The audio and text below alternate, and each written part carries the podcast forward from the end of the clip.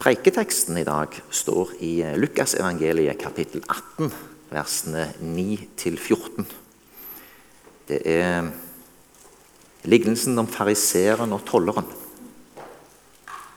En annen lignelse fortalte han til noen som stolte på at alt sto rett til med dem, og så ned på andre.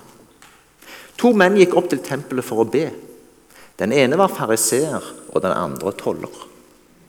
Fariseeren stilte seg opp og ba slik.: Gud, jeg takker deg for at jeg ikke er som andre mennesker, som snyter, gjør urett og bryter ekteskapet, eller som den tolleren der. Jeg faster to ganger i uken og gir tiende av alt jeg tjener. Tolleren sto langt nede og ville ikke engang løfte blikket mot himmelen, men slo seg for brystet og sa, Gud, vær meg synder nådig. Jeg sier dere, tolleren gikk hjem rettferdig for Gud, den andre ikke. For den som setter seg selv høyt, skal settes lavt, og den som setter seg selv lavt, skal settes høyt. Herre, vi takker for denne teksten. Vi takker deg for påminnelsen i bots- og bønnedag. Herre, vi ber om at du er her med din ånd og åpner ordet for oss. Vi legger gudstjenesten og talen og søndagen videre i dine hender. Amen.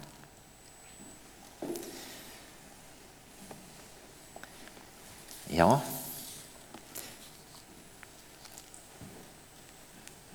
Jesus forteller altså en lignelse til noen som stolte på at alt sto rett til med dem, og så ned på andre. Eh, Definisjonen på hovmod det er overdreven stolthet og selvhevdelse med ringeakt fra andre. Det motsatte er ydmykhet. Så hovmod er det motsatte av ydmykhet. Overdreven stolthet, selvhevdelse med ringeakt for andre. Det finnes ulike former for hovmod. Det finnes et, ehm, et hovmod som vi ser Bibelen skriver om ganske tidlig. Som det står om Bibelen ganske tidlig. Der, ehm, der vi ser en modell som illustrerer to ulike livsanskuelser. Det er det hovmodet som på ene siden kan følge av å stole på seg sjøl i alle ting, uten å bry seg om Gud.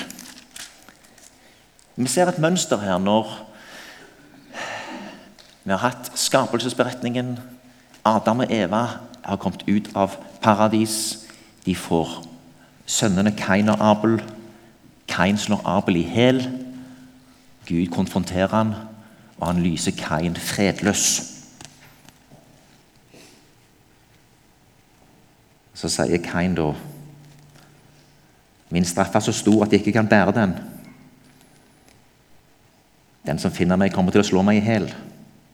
Men Herren sa, Nei, slår noen Kain i hjel, skal det hevnes sju ganger. Herren satte et merke på Kain for at ingen som møtte ham, skulle drepe ham. Så på ene sida var han fredløs, og samtidig var han beskytta av Gud. Så ser vi ned gjennom da, hva skjer etter hvert i generasjonene etter Kain. Da kommer det en som heter Lamek. Han er den første som tar seg to koner. Og så sier han til konene sine Lytt til mine ord. Jeg dreper en mann for et sår og en gutt for en skramme. For en skramme. Kain skal hevnes sju ganger, men Lamek 77 ganger. Vi ser et mønster her. Borte fra Gud, men fremdeles beskytta av Gud. Og stoler på seg sjøl og blir bare mer og mer stolt og håndmodig. Og tåler mindre og mindre. Høyere og høyere på seg sjøl mer og mer opptatt av uh, å hevde seg sjøl. Til, til, det som her vurderes være ganske ekstremt. Så har vi den andre sida, der Adam og Eva får en sønn til som heter Sett. Og Så står det Etter at Sett også fikk en sønn, så står det at på den tid begynte de å påkalle Herrens navn. Det var en annen slekt som begynte å påkalle Herrens navn. Og i det syvende leddet der så har vi en som heter Enok. Og det står at han vandret med Gud. Han vandret med Gud i 300 år. Så ble han borte, for Gud tok han til seg. Den grunnleggende historien i Bibelen er da altså lagt opp til forholdet mellom de som er håndmodige og stoler helt på seg sjøl og blir fredløse for Gud, og, og, kan ende opp i all slags type stolthet og selvhevdelse som kan være ekstremt ødeleggende for andre. Motsatsen er å vandre med Gud i et tillitsfullt forhold og ha en relasjon. Så vil Gud ta oss til seg. Men det vi leser om her i dag, det er Det er litt for um, de viderekomne, for å si det sånn. Og Det er også noe som vi ser i Bibelen rett som det er. Og det er at De som definerer seg til å være Guds folk, på ulike måter ender opp i det du kan kalle for en eller annen form for manipulert virkelighet, der han bedrar seg sjøl. Og han tror det er så veldig veldig greit med seg sjøl. Og så blir det et nytt hovmod der han ser ned på andre. Fordi han sjøl har det så bra, en er så perfekt troende. Og det er på mange måter vanskeligere å gjennomskue. Fordi ytre sett så ser det veldig greit ut.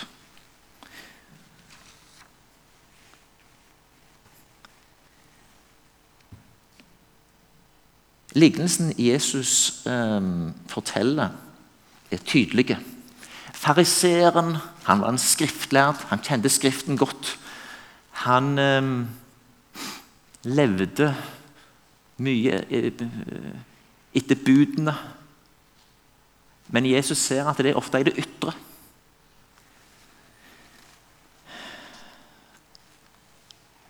Gud, jeg takker deg for at jeg ikke er som andre mennesker, sier fariseeren. Han er blitt så stolt og hovmodig at han har lykkes. Han har jo vandra med Gud. Han vet hva det går i. Han kan reglene. Hovmod, det var da altså overdreven stolthet og selvhevdelse med ringeakt for andre. En kan altså da komme i en overdreven stolthet og selvhevdelse og i det som en tror er la oss si, gudsdyrkelse. I en av de andre lesetekstene her så står det noe om å bedra seg sjøl. Og Her er vi i et dypt farlig bedrag, som jeg tror det er rett. Jeg tror dette er en god tekst for oss å besinne oss på. Det går an å bedra seg sjøl mener at en har det helt greit. Han har kommet inn i et spor, en form som gjør at eh, ens uh, gudsrelasjon fungerer, mener en sjøl, veldig bra. En blir veldig veldig fornøyd og ser ned på andre som ikke lykkes så godt. Tolleren sto langt nede, ville ikke engang løfte blikket mot himmelen. Slo seg for brystet og sa, 'Gud, vær meg synder nådig'. Så er det en spesialvariant av dette igjen i vår tid. Jeg hørte en tale for en stund siden av en som heter Asbjørn Handeland. Jeg synes jeg var veldig god. For Han sier i vår tid, særlig i de som har levd i, i en luthersk tradisjon, og som, og som, kjenner la oss si, denne historien fra før eh,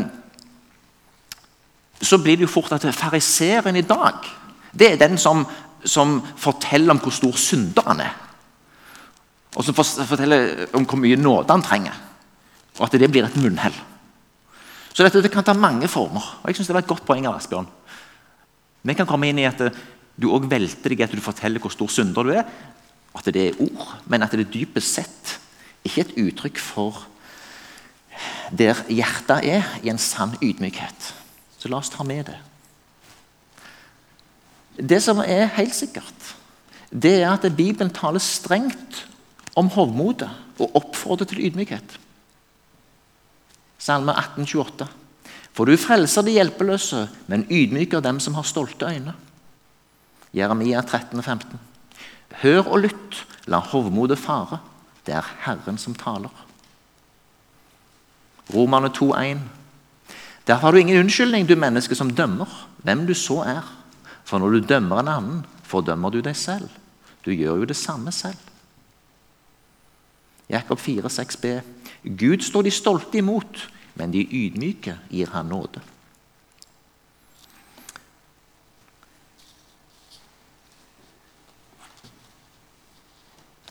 Tilbake til dette med vår situasjon. At vi kan eh, ende opp med å ha fine, fromme ord som høres helt korrekte ut, Vi har egentlig forstått dette med tolleren og fariseeren, og vi, vi formidler altså at vi har forstått dette med at vi er syndere og vi er ydmyke som tolleren. Men allikevel så kan det være noe i det som vi kan bedra oss sjøl med. Judariket, som vi leser om i Gamle Testamentet, som var det riket som ble stående lengst i Gamle testamentet etter David og Salomos i storhetstid, så ble landet delt i to mellom Juda og Israel. Israel går unna først, de ti stammene. Så er det to stammer igjen, Juda og Benjamin. De varer litt lenger. For de har tross alt tempelet, de har de gode praksisene, de har gudsdyrkelsen. De har eh, Det varer litt lenger der. Men vi leser i Jeremia og dels i Jesaja, så ser vi åh, Gud er ikke veldig mye fornøyd. Det har blitt så manipulert. Det er rette ord, men hjertet er der ikke. Det er veldig fint på utsida. Jeremia 23, 16. Så sier Herren allherrs Gud. Hør ikke på det profetene sier når de spår for dere. De bare narrer dere. Synene de forteller om, stammer fra deres eget sinn og ikke fra Herrens munn. Vi må passe oss som ikke forteller historier til oss sjøl og til hverandre som er mer henta fra vårt eget sinn enn det er at Herrens ord har rammet oss, og Herrens ord har ydmyket oss, og Herrens ord er det som lever i oss ved Hans ånd. Den hellige ånd er sannhetens ånd. Det skal være mulig å komme til sannhetserkjennelse om seg sjøl og snakke sant. Men det er en utfordring at vi kan ende opp som fariseeren her at det ser så veldig fint ut. Det fungerer veldig greit. Du har de rette ordene. Men det mangler noe i sinnet. Jesus sier det sjøl til menighetene helt ved slutten av Bibelen når de har fått Den hellige ånd, menighetstida er i gang. Så er det syv menigheter i Johannes' åpenbaring som vi leser om. De har eksistert en stund.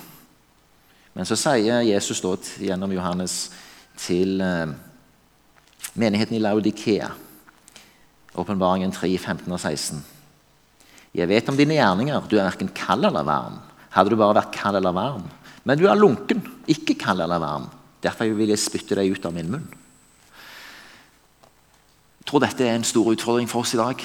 Um, vi, vi, lever i en uh, tid der vi på ene sida beholder bekjennelsen, vi kommer sammen med de gode vanene og praksisene, og så lever vi et trykk utenfra et sekulariseringstrykk, men også et trykk som kom innenfra. Vi sekulariseres innenfra. Vi påvirkes. Eh, der vi ender opp med et delt sinn, som kan bli en lunkenhet. Det er litt slik, og det er litt sånn. Jesus taler veldig alvorlig mot dette. Det som er lunkent, det er ikke bra. Du vil ikke ha kald eller lunka kaffe. Du vil ikke ha lunka middag. Du vil, ha, eh, du vil det skal være varm kaffe og varm middag. Det lunkne vil du helst eh, spytte ut av munnen. Og Det er et veldig alvorlig bilde Jesus bruker her. Hvor, hvor alvorlig han ser på det. Men videre. Alle som jeg har kjær, dem refser og tukter jeg, sier han i versen etterpå. La det bli alvor og venn om. Se, jeg står for døren og banker. Om noen hører min røst og åpner døren, da vil jeg gå inn til ham og holde måltid.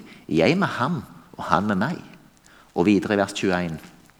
Den som har ører, hør hva Ånden sier til menighetene.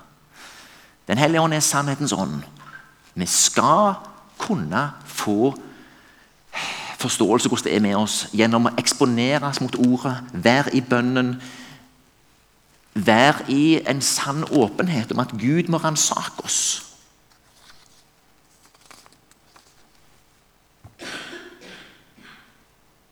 Et siste punkt om håndmodighet blant kristne det går dette på hvordan vi ser oss sjøl i forhold til andre kristne. Kanskje andre i menigheten, andre menigheter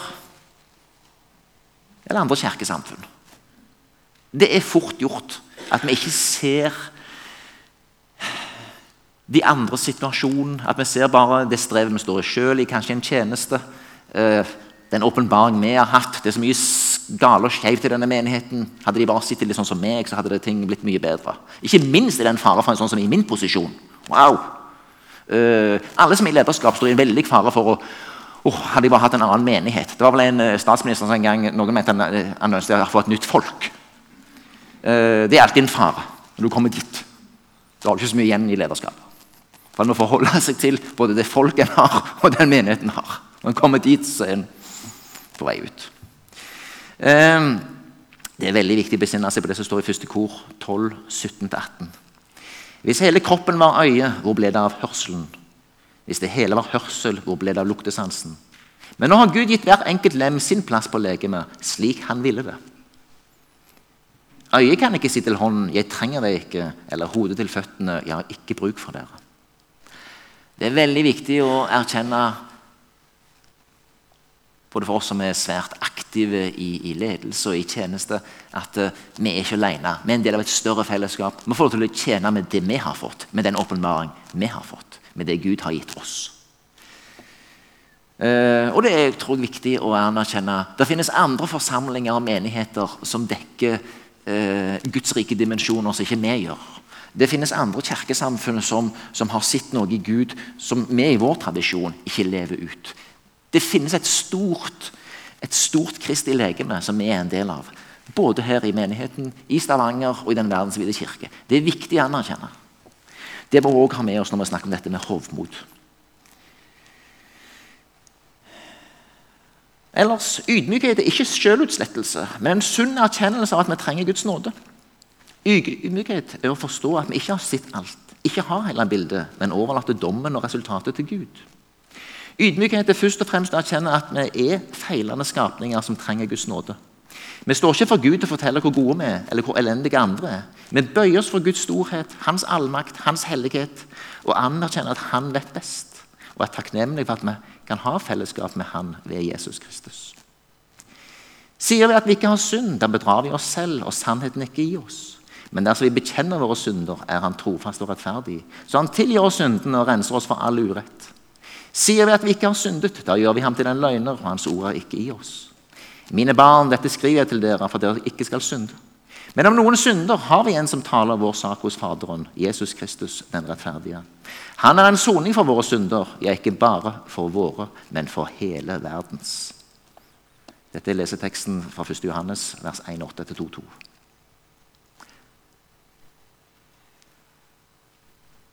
Hva er oppsummeringen av dette? Oppsummeringen er 'ransak meg, Gud'. Salme 139. Herre, du ransaker meg og kjenner meg. Ransak meg, Gud, og kjenn mitt hjerte. Prøv meg og kjenn mine tanker. Se meg på den onde vei, og led meg på evighetens vei. Amen.